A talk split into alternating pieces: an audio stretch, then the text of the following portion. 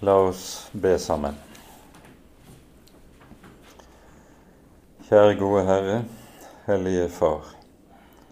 Så takker og lover vi deg på ny for all din nåde, for all din godhet og all din trofasthet imot oss. Takk, Hellige Gud, for syndenes forlatelse.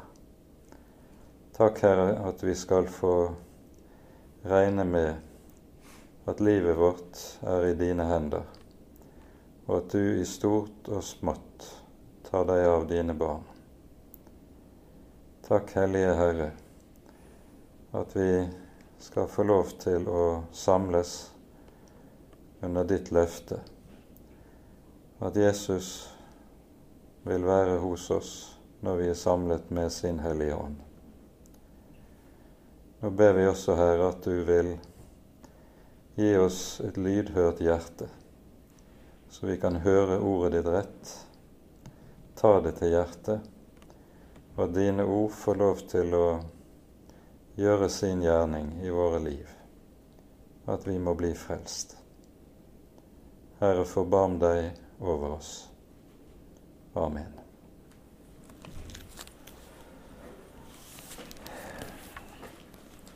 Når vi i dag eh, gir oss inn i disse fire kapitlene i Jesaja-boken, kapittel 36 til 39, så er det slik at eh, vi her har et historisk avsnitt i Jesaja-boken.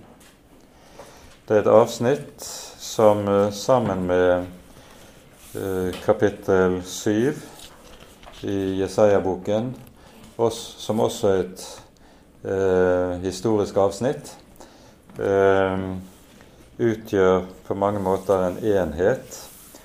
Og det som kan være uhyre viktig med tanke på å forstå eh, avsnittet, det er rett og slett å, å se litt på det som er den historiske konteksten eller historiske bakgrunnen for det vi nå er inne i.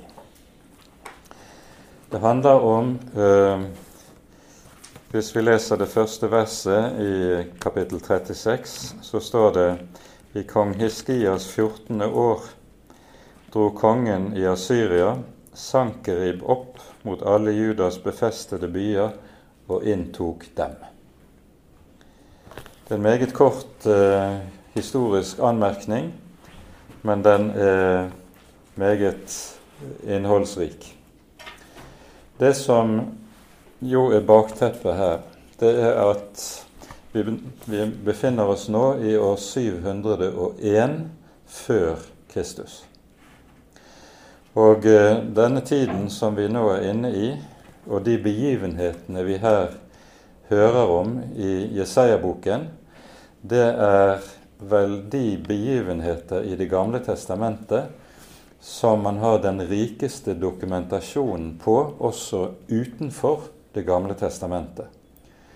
Det er rikelig med historiske kilder i de asyriske analene, og eh, de bekrefter inn i, selv i minste detalj det som bibelteksten forteller om disse begivenhetene. Og Dette kan være interessant å være oppmerksom på. Bakgrunnen er jo at i år 722 falt Nordriket.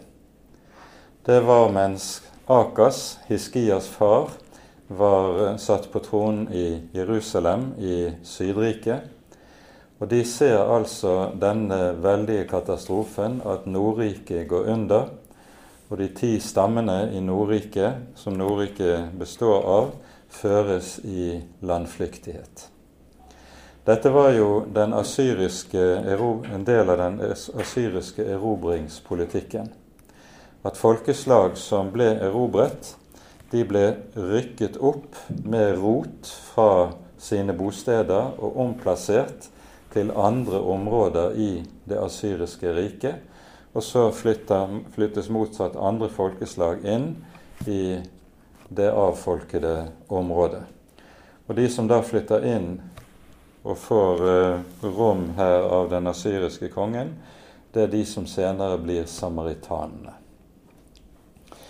Eh, men fra denne tid av så er Asyria det, den dominerende makten i hele Midtøsten.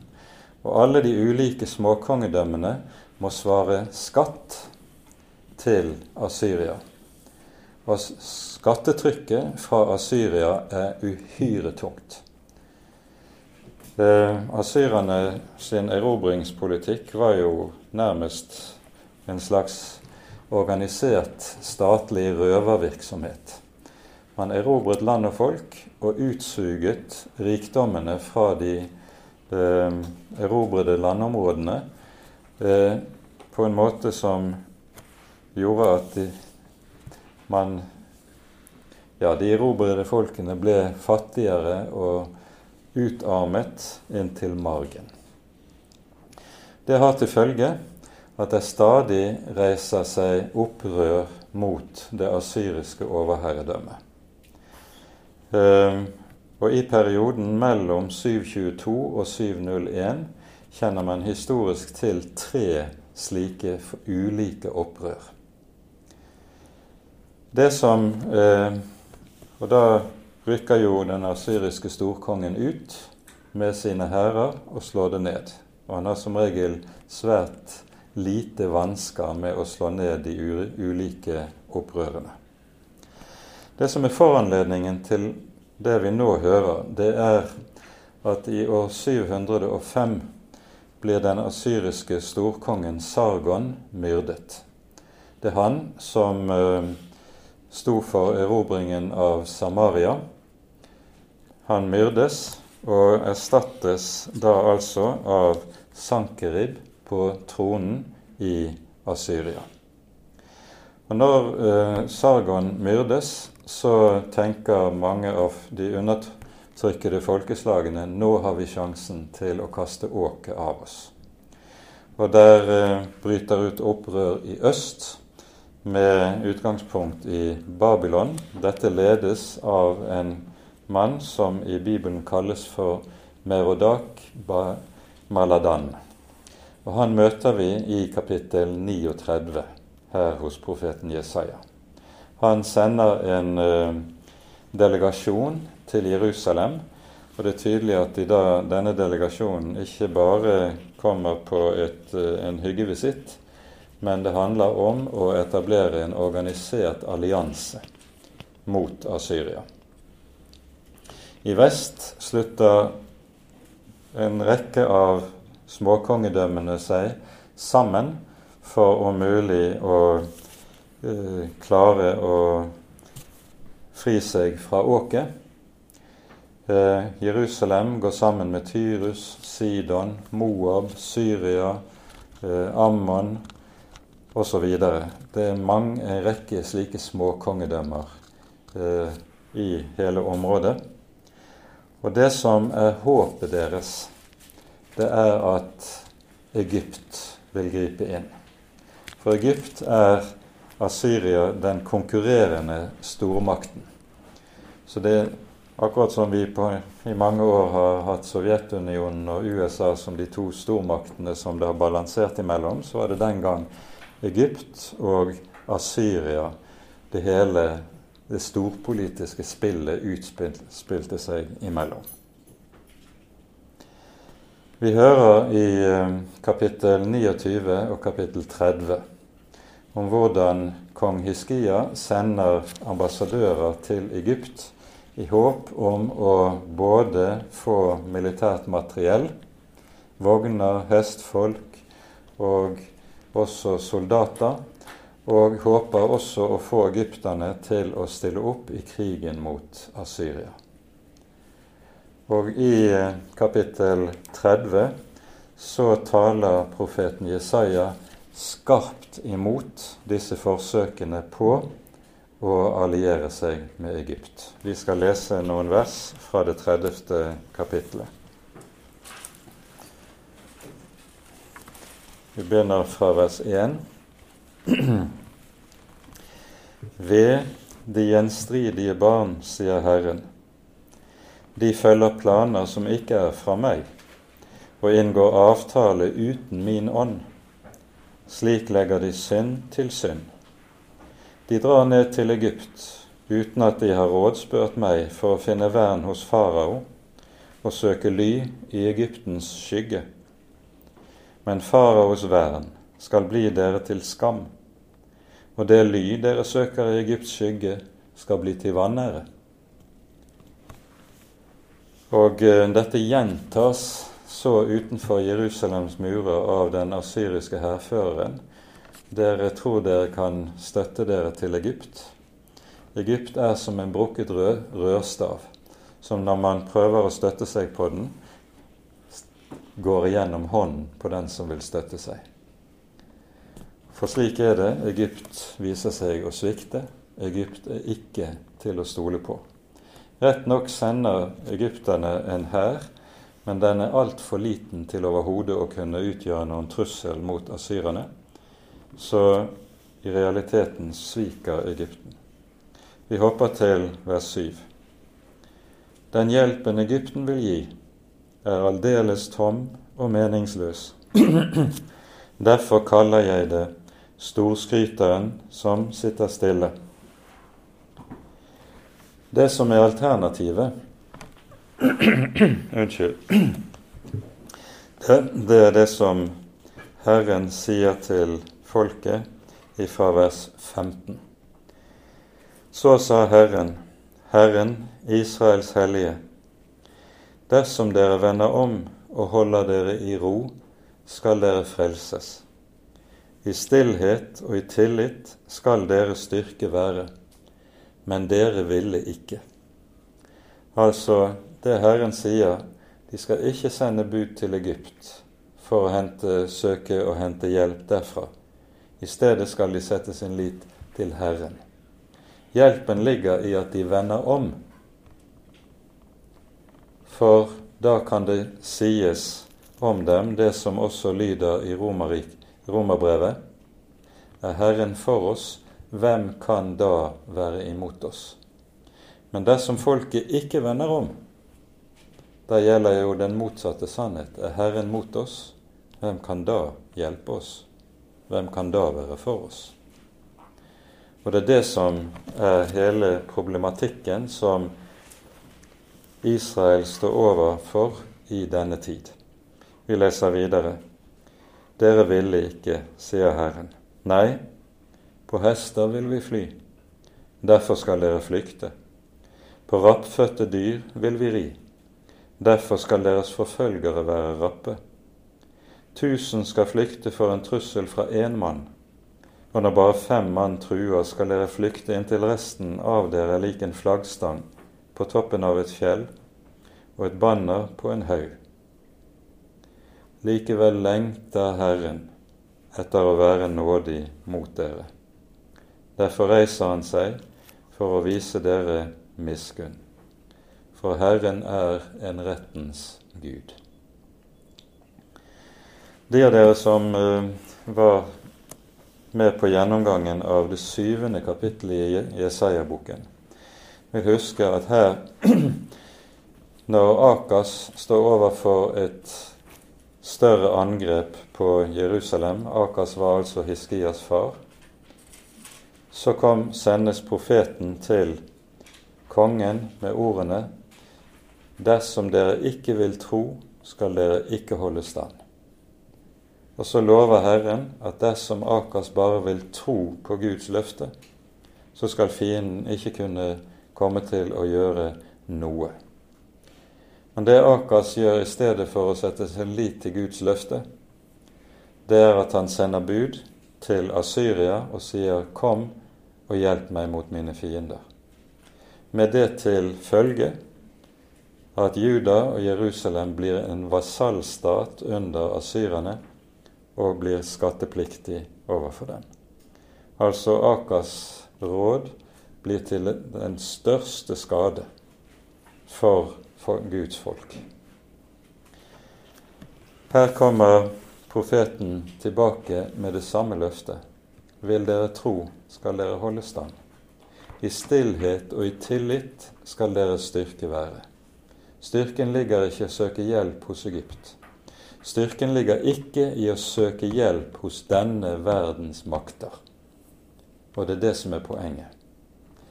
Spørsmålet er vil man tro på vil de tro på Herrens ord og på Herrens løfter, eller vil de tro på det de kan se med sine øyne? Egypt, stormakten med sine store hærer. Hva er det, hvem er det som er til å stole på? Egypt viser seg altså å svike. Og Det som, det som med dette kommer på bordet, så å si, er en tematikk som berøres på ny og på ny i Salmenes bok. Jeg skal bare minne om ordene i Salme, salme 33. Eh, Her sies det slik en konge fra vers 16, Salme 33 fra vers 16. En konge frelses ikke ved sin store makt. En helt reddes ikke ved sin store kraft. Hesten er ikke å stole på til frelse, og med sin store styrke redder den ikke. Se, Herrens øye ser til dem som frykter ham, som venter på hans miskunnhet. Det er det som er saken. Og dette er altså en tematikk som dukker opp igjen og igjen i Salmenes bok. Og her føres det rett inn i en akutt historisk situasjon, der Juda er hjelpeløs, fullstendig hjelpeløs, i forhold til den asyriske verdensmakten.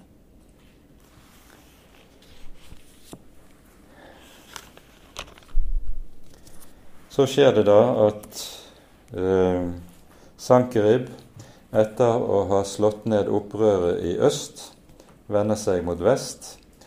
Og så kommer han nedover langs kysten av Middelhavet, erobrer Tyrus, Sidon, filisterbyene som har vært med i opprøret, slår ned opprøret i Syria og på østsiden av Dødehavet, og vender seg til slutt mot Juda og Jerusalem. Og så hører vi altså i vers 1 i det 36. kapittelet. I kong Hiskias 14. år dro kongen i Asyria Sankerib opp mot alle Judas befestede byer og inntok dem. Dette finner man nedskrevet i, denne, i Sankeribs beretning om dette toget. Og han sier at 46 byer i Judaland ble inntatt og jevnet med jorden, og innbyggerne ble ført i landflyktighet. Og han oppgir også antallet som var tatt til fange og ført i landflyktighet. Det er 200 150 mennesker. Det er ikke en liten gruppe av folket som føres i landflyktighet.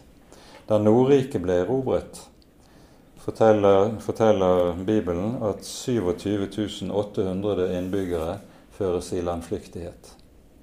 Nå er det altså et langt, langt høyere tall som føres i landflyktighet.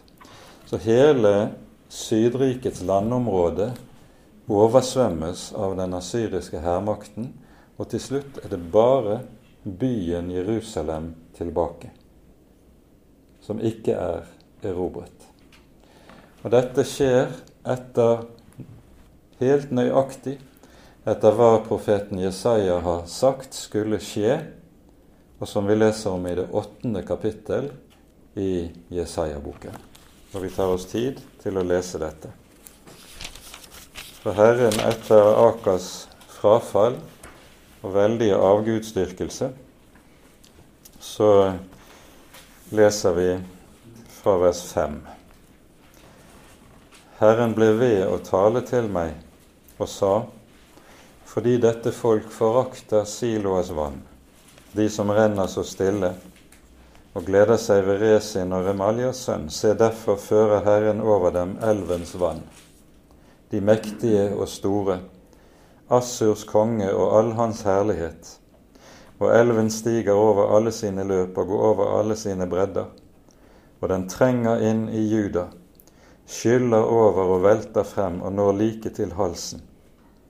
Dens utspente vinger fyller ditt land, så vidt som det er Immanuel.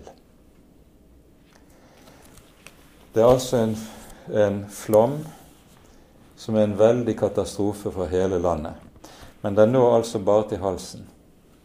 Den går ikke over hodet, og det er Jerusalem som altså er hodet for folket. Dette oppfylles med andre ord i detalj.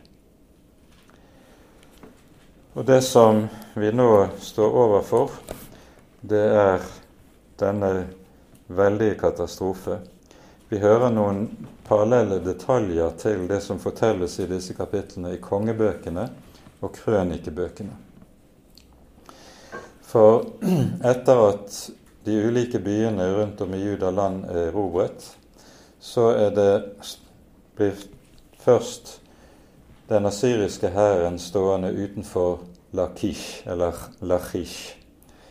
Den, den nest største byen i Sydriket, som lå på sydgrensen, og var en grenseby som både beskyttet Sydriket mot innfall sørfra, fra Egypt, og fra vest, fra filistene. Så Lakish var meget viktig. Jeg har vært i Lakish og sett utgravningene der nede for en del år tilbake. Man har funnet en hel rekke gjenstander fra slaget ved Lakish. Og i den asyriske kongen Sankeribs palass er det gjengitt et stort relieff som forteller om beleiringen av Lachish og hvordan Lachish faller. I Jerusalem har man funnet uh, potteskår. Uh, det ble brukt til å sende små meldinger frem og tilbake mellom garnisonene. Og på et av disse potteskårene, og disse stammer fra denne tiden, så st står det vi ser ikke lenger signaler fra Lachish. Der var byen falt. Så det er tallrike kilder, arkeologisk og historisk, som forteller om dette. Eh, I andre kongebok hører vi at eh, kong Hiskia prøver seg på å be om godt vær når Sankerib ligger utenfor Lachish. Han sier 'Jeg har syndet. Jeg vil komme og underkaste meg deg'. Og da krever eh, Sankerib en eh, tributt, at han betaler en kraftig bot for å ha vært med på opprøret. Han skal betale 300 talenter sølv og 30 talenter gull. Det vil si 10 tonn sølv og 1 tonn gull. Og Hiskia klarer å betale det. Men etter at Sankerib har fått boten, sender han hæren til Jerusalem og vil innta byen likevel. Så dette er en del av det som skjer. Og det som jo er interessant, er at man i de asyriske kildene har funnet en eh, stein der det står den nøyaktige summen som eh, Hiskia måtte betale. Den står også på, i asyriske kilder. Helt den samme som står i bibelteksten. Så her hvor det er mulig å sjekke bibelteksten mot de andre historiske kilder, så er det helt nøyaktig korrekt, det som er gjengitt i Bibelen. Vel, nok om det. Vi tar oss nå tid til å lese gjennom kapittel 36 i sammenheng. I kong Hiskias 14. år dro kongen i Asyria Sankerib opp mot alle Judas befestede byer og inntok dem. Kongen i Asyria sendte Rabsake med en stor hær fra Lachish til Jerusalem mot kong Hiskia. Han stanset ved vannledningen fra den øvre dammen ved landeveien til Vaskavollen. Dere husker kanskje at dette, eh, denne lokaliteten er omtalt tidligere, nemlig i kapittel 7, når Akas arbeidet på å utbedre forsvarsverkene rundt Jerusalem. Hiskia fortsatte med dette. Han bygde en do stor dobbeltmur rundt Jerusalem i påvente av det asyriske angrepet. Han tilstoppet alle vannkilder som var rundt Jerusalem, for at asyrerne, når de kom, så skulle de ikke finne vann. Og den vannkilden som var nødvendig for byen, Gihon, som lå øst i Kedrondalen utenfor bymuren, der grov Hiskia en tunnel og ledet vannet derfra inn i byen, inn til Siloadammen. Og Den tunnelen den eh, kan man gå i den dag i dag. Midt i tunnelen der er det funnet en innskrift som forteller om hvordan tunnelen ble gravet. Det var to eh, arbeidslag, et som begynte sydfra og et som begynte østfra. Så hugget de seg gjennom fjellet mot hverandre og så møttes de på midten. Og så forteller en plakett som, er, som var satt opp der i tunnelen hvor de møtte, forteller om hvordan arbeiderne hørte de andre på motsatt side av fjellet hogge, og til slutt brøt de igjennom og møtte hverandre. Denne plaketten den, henger, den er i dag utstilt på det arkeologiske museet i Istanbul. Så den er ikke lenger å finne i Jerusalem. Men dette var en del av forsvaret som Hiskia forberedte. Så hører vi videre. Da gikk slottshøvdingen Eljakim, Hilkias sønn, ut til ham sammen med statsskriveren Shebna og historieskriveren Joa, Asafs sønn. Og Rabsake sa til dem, Si til Hiskia, så sier den store kongen, kongen i Asyria, hva er det for en trygghet som er kommet over deg? Vil du si at tomme ord er innsikt og styrke nok til krig? Hvem er det da du setter din lit til, siden du har gjort opprør mot meg? Nå vel, du setter din lit til Egypt, denne knekkede rørstaven. Når en støtter seg på den, går den inn i hånden hans og gjennomborer den. Slik er kongen i Egypt, farao, for alle dem som setter sin lit til ham. Men sier du til meg, vi setter vår lit til Herren vår Gud, er det da ikke hans offerhauger og alteret Hiskia har tatt bort, da han sa til Juda og Jerusalem, på dette alter skal dere tilbe. Og her må vi si noen ord om det som her sies.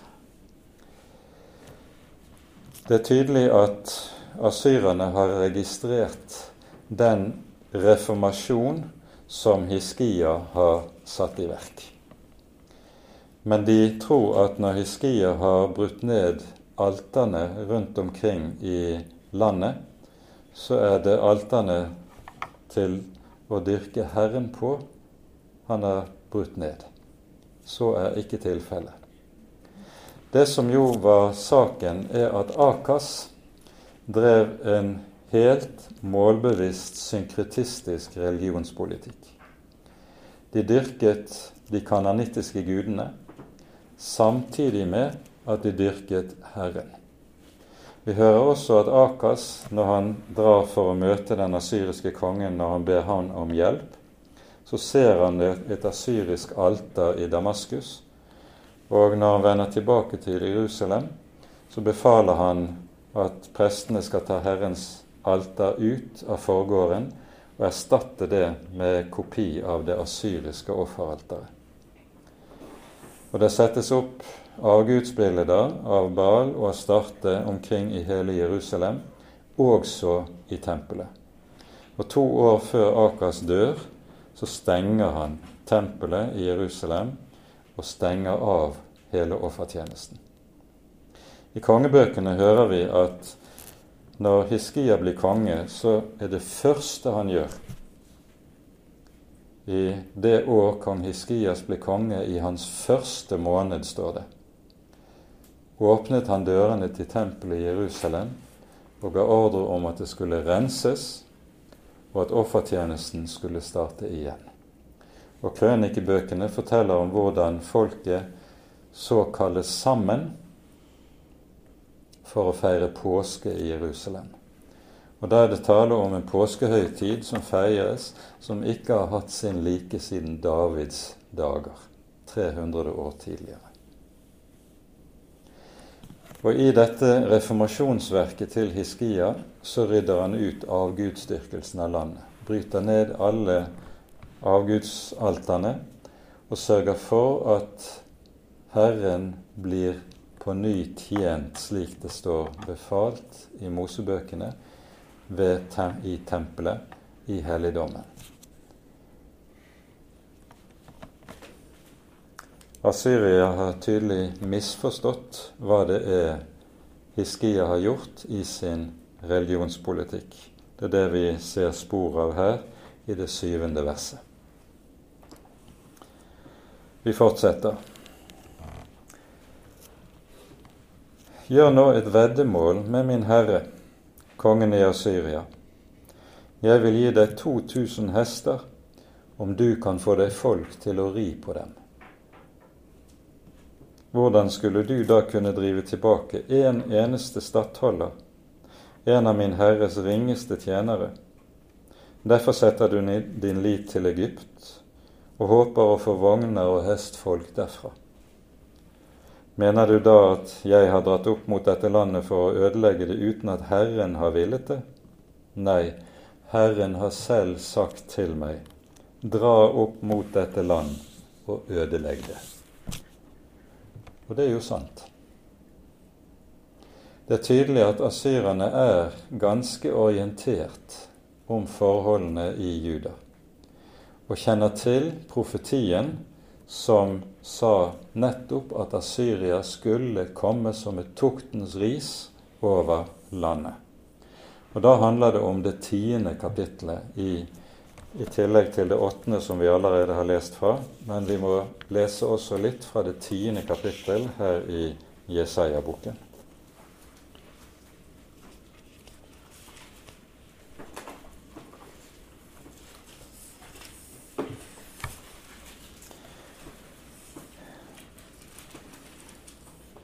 Vi leser fra vers 5. Ved Assur, min vredes ris, min harme er staven han har i sin hånd. Mot et gudløst folk sender jeg ham. Mot et folk jeg er vred på, byr jeg ham av fare for å røve og plyndre og tråkke ned som avfall i gatene. Men slik mener ikke han. Og i sitt hjerte tenker han ikke slik. Nei, han har lyst til å ødelegge og til å utrydde mange folk. Her hører vi det sies uttrykkelig at Assur er Guds vredes ris. Og den tukt og dom som nå går over folket, er sendt av Herren av folkets frafall og avgudsdyrkelse, som vi jo har talt om tidligere, når vi har sett på det tidligere avsnitt i Jesaja-boken. Men nå er det vi hører også det hovmod tale som eh, omtales i det tiende kapittel fra Asyria sin side. Da sa Eliakim og Shebna og Joa til Rabsake.: Tal til dine tjenere på arameisk, for vi forstår språket. Tal ikke til oss på jødisk, så folket som står på murene, hører det. Men Rabshake svarte, Er det til din Herre og til deg min Herre har sendt meg for å tale disse ord? Er det ikke til de menn som sitter på muren og må ete sin egen skitt? og drikke sitt eget vann like som dere selv. Og Rabshake trådte fram og ropte med høy røst på jødisk og sa:" Hør den store konges, den asyriske kongens ord. Så sier kongen:" La ikke Hiskia få narre dere, for han makter ikke å redde dere. Og la ikke Hiskia få dere til å feste lit til Herren, idet han sier, Herren vil redde oss, denne byen skal ikke bli gitt i Asyrakongens hånd. Hør ikke på Hiskia, for så sier kongen i Asyria, gjør fred med meg, og kom ut til meg, så skal enhver av dere få ete av sitt eget vintre og sitt eget fikentre, og drikke vann av sin egen brønn, til jeg kommer og henter dere til et land som ligner deres eget land, et land med korn og most, et land med brød og vingårder. Her omtales nettopp denne her politikken som asyrerne hadde med å rykke folk opp med rot og omplassere dem i sitt rike. La ikke Hiskia lokke dere og si, Herren vil redde oss. Har vel noen av folkenes guder reddet sitt land fra Asyrakongens hånd? Hvor er Hamats og Arpads guder? Hvor er Sefarvaims guder? Har vel Samarias guder reddet det av min hånd?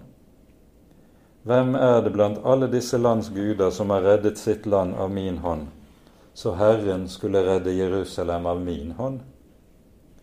Men de tidde og svarte ham ikke ett ord, for kongens befaling lød så:" Dere skal ikke svare ham. Så kom slottshøvdingen Eliakim, Hilkias sønn, og statsskriveren Skjebna og historieskriveren Joa, Asafs sønn, til Hiskia med flerrede klær, og meldte ham det Rabsake hadde sagt. Tenk dere inn i situasjonen som her er.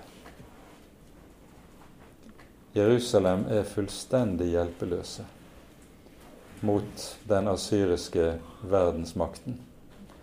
Og det som Rabsake sier, det har han full dekning for. Ingen av folkenes guder har kunnet redde dem av Asyrias hånd. Men Problemet er at Herren er ikke som folkenes guder. Og den asyriske kongen stiller Herren, Israels Gud, på linje med alle andre guder som er i omverdenen. Det og den bespottelse kan ikke bli stående. Og så er det Herren selv som besvarer dette, som vi hører i neste kapittel. Og vi leser videre. Da kong Hiskia hørte det, flerret han klærne sine og kledde seg i sekk og gikk inn i Herrens hus. Han sendte slottshøvdingen Eljakim og statsskriveren Skjebna og de eldste blant prestene kledd i sekk til profeten Jesaja Amos sønn. Og de sa til ham, Så sier Hiskia, dette er en dag med trengsel og straff og vanære. Barnet er kommet til modermunnen, men det er ingen kraft til å føde. Den siste setningen er noe som vi møter flere ganger hos profetene, og betydningen er den samme som vi møter når Jesus taler om når en kvinne skal føde, har hun trengsel, men når hun har født, glemmer hun sin trengsel av glede over barnet som er født. Det er et bilde som handler om at det er en trengsel, men den vil gå over, og så vil gleden komme. Så når det sies at det er ikke kraft til å føde, så betyr det at da vil trengselen ikke ta slutt. Det vil ikke komme Det er intet håp om at det er noen utgang av dette. Det er det som ligger i at det sies på denne måten. Så fortsetter det. Kanskje Herren din Gud vil høre det Rabsaka har sagt han som kongen i Asyria, hans herre, har sendt for å håne den levende Gud. Så han straffer ham for de ordene Herren din Gud har hørt. Send nå opp en bønn for den rest som ennå er igjen. Da kong Hiskias tjenere kom til Jesaja, sa Jesaja til dem, Dette skal dere si til deres herre. Så sier Herren, Frykt ikke for ordene du hørte de asyrakongens tjenere hånte meg med. Se, Nå gir jeg ham et slikt sinn at han vender tilbake til sitt land på grunn av et rykte han hører. Der, i hans eget land, vil jeg la ham falle for sverd. Det som nå skjer, er at beleiringen av Jerusalem heves for en liten stund eh, pga. ryktet om at en egyptisk hær nærmer seg. Og så må Rapsake slutte seg til Sankerib nede ved Lakish. Og så eh, fortsetter det. Da Rapsake var vendt tilbake, fant han Asyrakongen i ferd med å angripe Libna. Det er en liten by nord for Lakish, ikke så langt fra byen. For han hadde hørt at han var brutt opp fra Lakish. Da fikk kongen melding om at Tiraka, kongen i Etiopia, hadde dratt ut for å kjempe mot ham. Da han hørte det, sendte han bud til Hiskia og sa:" Så skal dere si til Judas konge:" La ikke din Gud, som du setter din lit til, fornarret deg, så du tenker som så:" Jerusalem skal ikke gis i Asyrakongens hånd. Du har hørt det kongen i Asyria har gjort med alle landene, hvordan de har ødelagt dem, og så skulle du bli reddet? Har vel folkenes guder frelst dem som mine fedre ødela? Gosan og Karan og Reshef og Edens barn i Telasar? Hvor er nå Hamats konge og Arpads konge og byen Sefavajims konge, Hennas og Ivas konger? Da Hiskia hadde mottatt brevet av sendebudene og leste, gikk han opp til Herrens hus. Der bredte Hiskia brevet ut for Herrens åsyn, og han ba til Herren og sa:" Herre, herskarenes Gud, Israels Gud, du som troner over kjerubene. Du alene er Gud for alle jordens riker. Du har skapt himmelen og jorden. Herre, vend ditt øre til og hør. Herre, lukk opp dine øyne og se. Hør alle de ord som Sankerib har sendt for å håne den levende Gud. Det er sant, Herre, at kongene i Assyria har ødelagt alle folkene og deres land. De har kastet gudene deres i ilden, for de er ikke guder, men et verk av menneskehender, tre og stein, og derfor kunne de gjøre dem til intet. Men frels oss nå, Herre vår Gud, Frels oss av Hans hånd, så alle jordens riker må få kjenne at du er Herren, bare du. Denne Hiskias bønn er vel verd å legge merke til. Ikke minst når vi sammenligner det, det, den tro som Hiskia her gir uttrykk for, med det som var heden, hedningenes tro i folkene som bodde omkring. Det som jo var en vanlig oppfatning om de gudene, var at de var lokalguder. Gudene var slike som hadde ansvar for hvert sitt landområde, der hvert folk hadde sitt område og sin gud. Så hadde nabofolkene sine guder som hadde ansvar for sine områder. Og jo større og mektigere et folk var, jo større og mektigere var gudene.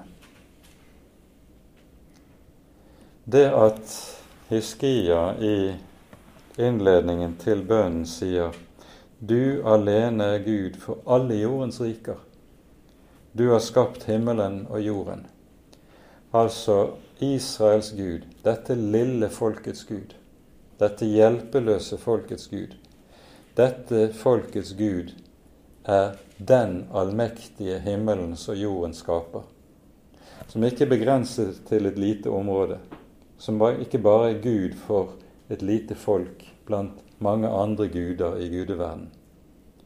Men her bekjenner Hiskia altså den tro at Israels Gud er den allmektige himmelens og jordens skaper, den eneste sanne Gud. Det er en gudsforståelse og en gudstro som skiller seg radikalt fra det du finner i omverdenen, blant i hedenskapet omkring ellers. Og det er denne tro som Israel var kalt til å oppebære som et lys blant folkene. Og det er den, dette kall Israel sviker når de gir seg til å dyrke nabofolkenes guder, Bal og Astarte og hva de nå heter, de ulike gudene. Så er det at Herren svarer Hiskia. Og svaret kommer gjennom et budskap fra profeten Jesaja, som vi hører i fortsettelsen. Vi leser fra vers 21. Da sendte Jesaja, Amos' sønn, bud til Hiskia og sa:" Så sier Herren, Israels Gud, fordi du har bedt til meg mot kongen i Asyria, Sankerib, så lyder ordet Herren har talt om ham slik. Jomfruen, Sions datter, forakter deg, spotter deg. Jerusalems datter rister på hodet av deg. Hvem er det du har hånet og spottet? Og hvem er det du har løftet din røst imot? Du har løftet dine øyne mot det høye, mot Israels hellige. Ved dine tjenere har du hånet Herren og sagt:" Med mine mange vogner dro jeg opp på fjellenes tinder til Libanons øverste topper, og jeg hogget ned dets høyeste sedrer, dets herlige sypresser, og jeg trenger frem til dets øverste høyde, dets frodige skog.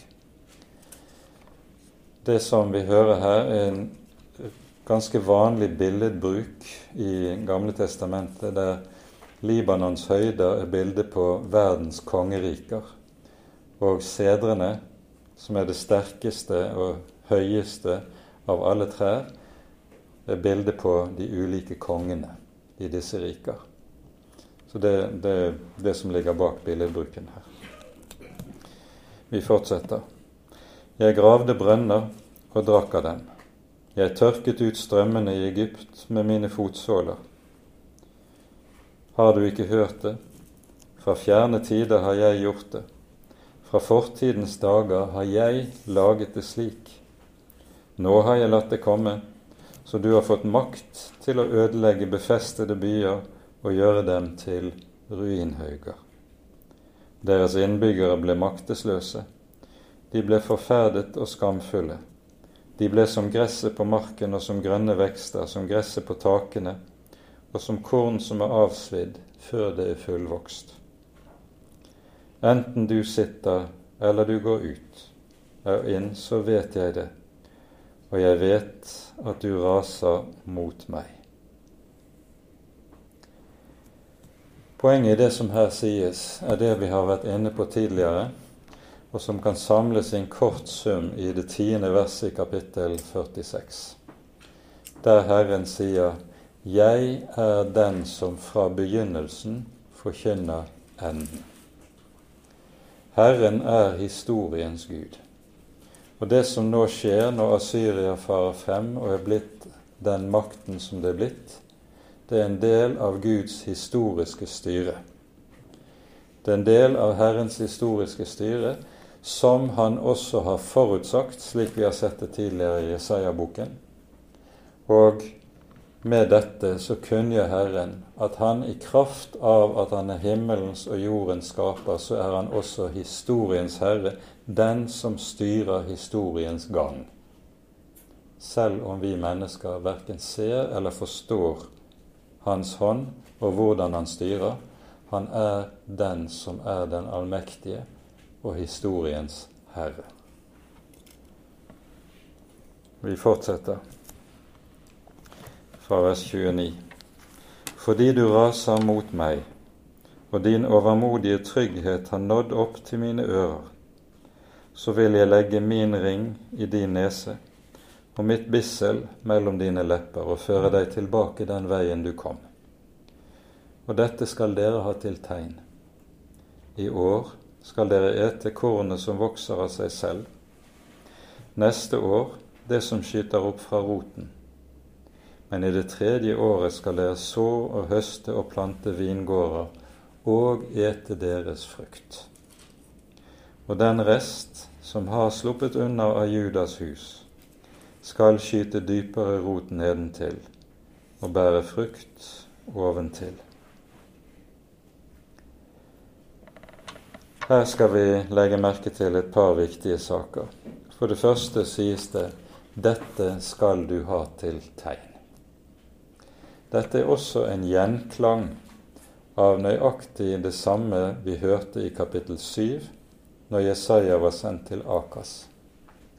Det tegnet som Akas skal få se, det er barnet som skal fødes av en jomfru. Et tegn som altså hadde det med seg at det bare sees av de som tror, men av de vantro sees det ikke. Dette skal du ha til tegn.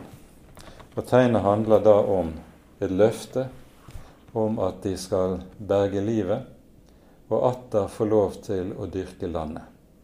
Og så hører vi i vers 31 det begrepet dukke opp som gjentas i en rekke sammenhenger tidligere i Jesaja-boken ordet om resten.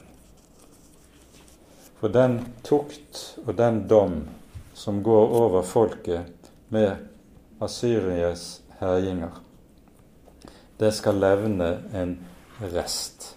Og denne resten hører vi omtalt særlig i det tiende kapittelet, og vi tar oss tid til å minne om de versene.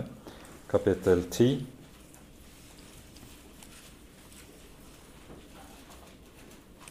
Fra vers 20.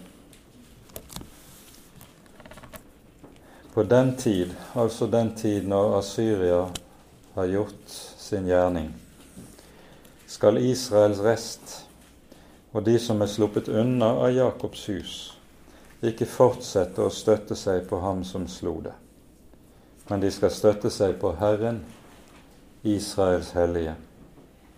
En rest skal omvende seg, en rest av Jakob til den veldige Gud. For om ditt folk Israel er som havets sand, skal bare en rest av det omvende seg. Tilintetgjørelse er fast besluttet, en flom av rettferdighet. Dette var altså talt under kong Akas, kanskje mer enn 20 eller 25 år tidligere. Nå er det Hiskia må oppleve hva som skjer. Og så er Jerusalem og Jerusalems innbyggere tilbake som den lille rest. Mens resten av landet er oversvømmet av fienden, som tar brorparten av landets innbyggere med seg i landflyktighet og i fangenskap. Fra Jerusalem skal det komme frem en levning, og fra Sions berg en rest som har sluppet unna. Herrens, herskarenes Guds nidkjærhet, skal gjøre det. Derfor sier Herren så om kongen i Assyria:" Han skal ikke komme inn i denne by og ikke skyte en pil inn i den. Han skal ikke rykke frem mot den med skjold og ikke kaste opp vold imot den. Den vei han kom, skal, tilbake, skal han vende tilbake, og inn i denne by skal han ikke komme, sier Herren. Jeg vil verne denne byen og frelse den for min skyld og for min tjener Davids skyld. Og Herrens engel gikk ut og slo 185 000 mann i asyrernes leir. Da folket sto opp om morgenen, fikk de se dem alle ligge der som døde kropper. Da brøt kongen i Asyria Sankerib opp og dro bort og vendte hjem igjen, og siden holdt han seg i ro i Ninive. Men en dag da han tilba i sin gud Nisroks hus, slo hans sønner Adramelek og Saresa ham i hjel med sverd. De kom seg unna og flyktet til Ararats land, og hans sønn Asarhaddan ble konge etter ham. Det som her skjer, det omtales også av andre historikere, bl.a. av Herodot, eh, som sier at det kom markmus og spiste opp piler og koggere og buestrenger til, i den asyriske leiren, og også at leiren var rammet av pest. Hva som har skjedd her, vet vi ikke. For den asyriske Sankerib, når han beretter om dette hærtoget, så sier han ingenting om Jerusalem, annet enn at han forteller han erobret 46 av byene i Juda, la Lachish i ruiner. Og så sier han at han fanget kongen i Jerusalem som en fugl i et bur. Men han inntok ikke Jerusalem. Derfor er det på relieffene i Sankeribs palass i Ninive så er det gjengitt beleiringen av og inntagelsen av Lachish, men ikke av Jerusalem. Men det forbigås i stillhet, at han ikke klarte å innta Jerusalem. For det er det som du ser jevnlig i historiske analer fra den gang. Kongene forteller aldri om sine nederlag. De forteller bare om sine seire. Så det er ganske oppsiktsvekkende at det er beleiringen av Lachish som er gjengitt på relieffene i Nineves palasser, og ikke altså av den viktigste av alle byene. Men det er fordi Jerusalem ikke ble inntatt. Herrens engel slår her asyrernes hær, og med dette så må kongen vende om. Han kan ingenting lenger gjøre. Og så har Jerusalem og Hiskia fått et pusterom.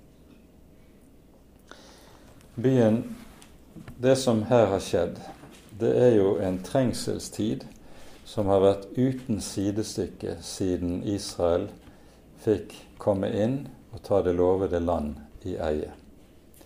Og det som her er skjedd, er på mange måter oppfyllelse av store deler av det vi leser i 5. Moseboks 32. kapittel, og som Herren truer med vil komme til å ramme folket dersom de forlater ham og begynner å dyrke fremmede guder. For vender folket Herren ryggen, så vil Herren vende dem ryggen. Det er det dype alvor som denne historien beretter om for oss. Nå ser jeg at tiden har gått. Eh, det som vi hører om i de neste kapitlene, det er for det første at Hiskia på denne tid rammes av en dødelig sykdom. Han eh, blir redd for å dø. Vi hører han venn legger seg med ansiktet mot veggen og gråter og ber til Herren. Og så får han det løftet fra Herren at han skal få 15 år lagt til sin livs lengde. Og så hører vi etter dette Hiskias takkebønn for helbredelsen og for at Herren har grepet inn. Og dette, denne helbredelse den er på en måte noe som bærer bud også om den utfrielse som, is, som folket, Guds folk, nå skal få. For akkurat som det at Jerusalem ikke blir inntatt av Syria og landet lagt helt i ruiner, innebærer at folket enda har fått en nådetid, så er det at Hiskia får lagt disse 15 år til sitt eget liv, det er så å si et bilde på denne forlengede nådetid som folket nå får. Jeg tror vi skal gjøre sånn at vi slutter med å lese Hiskias takkebønn. Det er en av de vakreste bønnene vi finner i Bibelen, men det er mange bibellesere som ikke er oppmerksom på den. Vi leser fra vers 9. en sang skrevet av Judas konge Hiskia da han hadde vært syk, men hadde kommet seg igjen etter sykdommen. Jeg sa, i min beste alder må jeg gå bort gjennom dødsrikets porter. Jeg er blitt berøvet resten av mine år. Jeg sa, jeg skal ikke skue Herren, Herren i de levendes land, og jeg skal ikke se mennesker mer når jeg er hos dem som bor i dødens stillhet. Min bolig blir rykket opp og ført bort fra meg som en gjeters telt. Jeg har rullet mitt liv sammen lik en vever. Fra trådendene skjærer han meg av. Fra natt til dag gjør du ende på meg. Jeg holdt meg stille til om morgenen. Som en løve knuser han alle mine ben. Fra dag til natt gjør du det av med meg. Som en svale, som en trane, slik klinket jeg. Jeg kurret som en due, matte så mine øyne mot det høye. Herre, jeg er redd. Gå i borgen for meg. Hva skal jeg si? Han har både sagt meg det, og han har gjort det. Stille vil jeg vandre alle mine år på grunn av min sjels bitre smerte. Herre, ved dem, altså ved Herrens ord. Ved dine ord lever mennesket, og ved dem blir alt min ånds liv oppholdt. Du vil helbrede meg og la meg leve. Se, til fred ble meg det bitre. Ja, det bitre. I kjærlighet dro du min sjel ut av ødeleggelsens grav, for du kastet alle mine synder bak din rygg. For ikke priser dødsriket deg, ikke lover døden deg. Ikke venter de som farer ned i graven på din trofasthet. De levende de levende, de priser deg som jeg gjør i dag. En far lærer sine barn om din trofasthet. Herren står ferdig til å frelse meg.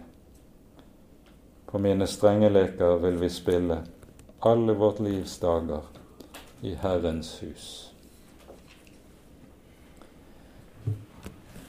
Og med det setter vi punktum for kveldens bibeltime.